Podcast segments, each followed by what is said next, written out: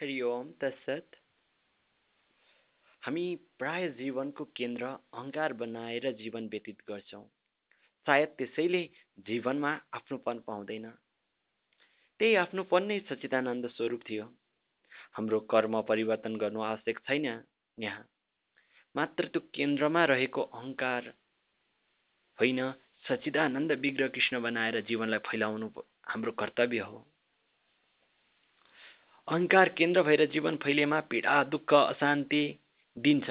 किनकि भगवान् पनि भगवत गीतामा भन्नुहुन्छ जन्म मृत्यु जरा व्याधि दुःख दोषानुदर्शनम। जब अहङ्कार केन्द्र भएर जीवन फैलिन्छ पीडा दुःख अशान्ति दिन्छ। जब सच्चिदानन्द स्वरूप केन्द्र भएर जीवन फैलिन्छ तब सुख शान्ति आनन्द र प्रेमको वर्षा हुन्छ। किनभने हाम्रो स्वरूपै सचिदानन्द स्वरूप हौ। हामी भगवान् सचिदानन्द स्वरूपका अंशी हौ। ईश्वरम परम कृष्ण सचिदानन्द विग्रह। अनादि राधि गोविन्द सर्व कारण कारणम। त्यस्ता सचिदानन्दका हौ। अहङ्कार केन्द्र भएर जीवन फैलिएमा दुःख बन्धन नर्क बन्छ जीवन। तर सचिदानन्द स्वरूप चेतना केन्द्र भएर जीवन फैलिएमा जति फैल्यो त्यति मोक्ष स्वर्ग वैकुण्ठ अथवा वैको कुण्ठको अर्थ हुन्छ दुःख दुःखबाट मुक्त रूपी जीवन भन्छ। यही जीवन जिउने हो। हो जीवन जियाइमा फरक हुँदैन। मात्र केन्द्रको फरकले जीवनको यथार्थमा फरक पनि ल्याउँछ। मात्र हाम्रो लक्ष्यले हाम्रो जीवन परिवर्तन हुन्छ। सबैले गर्ने एउटै हो। तर त्यसपछि आफ्नोपनको लागि बाँच। त्यही आफ्नोपनप्रति जति बाँच्छौ त्यति ब्रह्माण्डका हरेक वस्तुसँग जोडिनेछौ तिम्रो पनको लक्ष्य नै जोडिनु हो। शारीरिक रूपले जोडिन खोज्छौ र प्रकृतिले पनि फरक लिङ्ग प्रदान गरेको छ। सबैमा महिला पुरुष बुढीमा पनि स्टिकमा स्टाइल यस्तै हरेक जीवमा शारीरिक भिन्नता दिएको छ।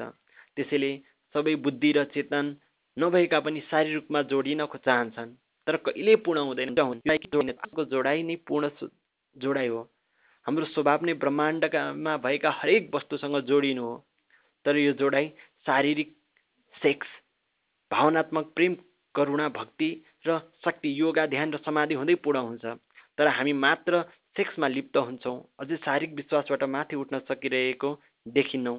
न त हामी सबैमा जोडिएका हुन्थ्यौँ सेवाभाव हृदयमा उदाएको हुन्थ्यो झुल्के घाम जस्तो र सन्तुष्ट हुन्थ्यौँ।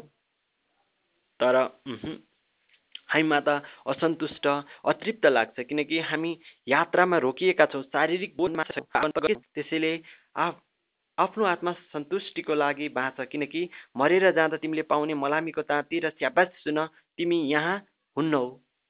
जति बाँच्छौ आफूलाई चिनेर फैलिएर बाँच। साँगुरिएर होइन साँगुरिएर त अहङ्कार केन्द्रित भएको व्यक्ति बाँच्छ सच्चिदानन्दको स्वरूपता फैलावट हो असीमित फैलावट। सबैसँग जोडिएर बाँच हाँसेर बाँच नाचेर बाँच बाँडेर बाँच बाँच दिन दिन बाँच। आफ्नो लागि आफ्नो प्रतिभाको लागि। यदि तिमी खुसी हुन्छौ भने तिम्रो लागि दुनियाँ दुनियाँ पनि खुसी छ। तर जुन दिन तिमी आफू दुखी हुन्छौ दुनियाँ खुसी भयो भने तिम्रो लागि दुनियाँ दुखी लाग्नेछ। त्यसैले आफ्नो लागि गाऊ आफ्नो लागि नाच आफ्नो लागि बाँच आफ्नो इच्छा आफ्नो सपनाको लागि बाँच र आफूलाई फैलाऊ। किनकि तिम्रो स्वरूप नै फैलावट हो।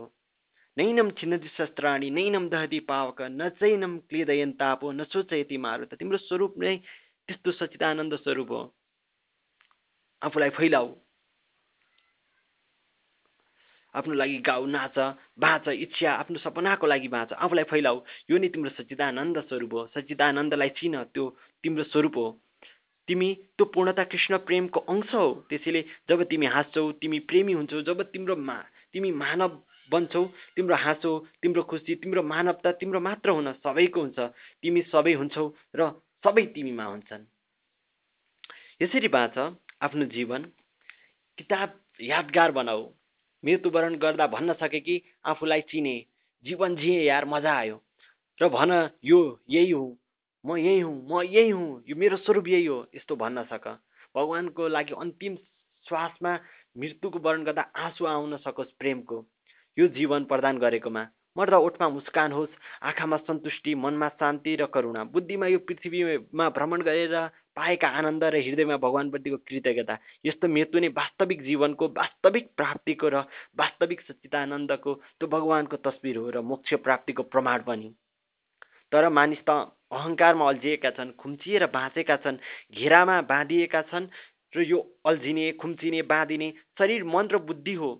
त्यो सच्चिदानन्द होइन। भगवान्को अंशी मेरो स्वभाव त फैलावट हो फैलावट हो फैलावट हो र ठुलो असीमित फैलावट हो। जो असीमित हुन्छ न जायते म्रियते वा कदाचि नान्यम भूत्वा भविता वा नभूय अझो नित्यम शाश्वत पुराणो न हन्यते हन्यमाने शरीर सम्पूर्ण चिज नाश हुँदा पनि नाश नहुने म त त्यस्तो असीमित आनन्द र दिव्य प्रेमानन्द हो। यही नै हाम्रो जीवनको लक्ष्य हो र यही प्राप्त नै हाम्रो एक मात्र गुण हो हरे कृष्ण।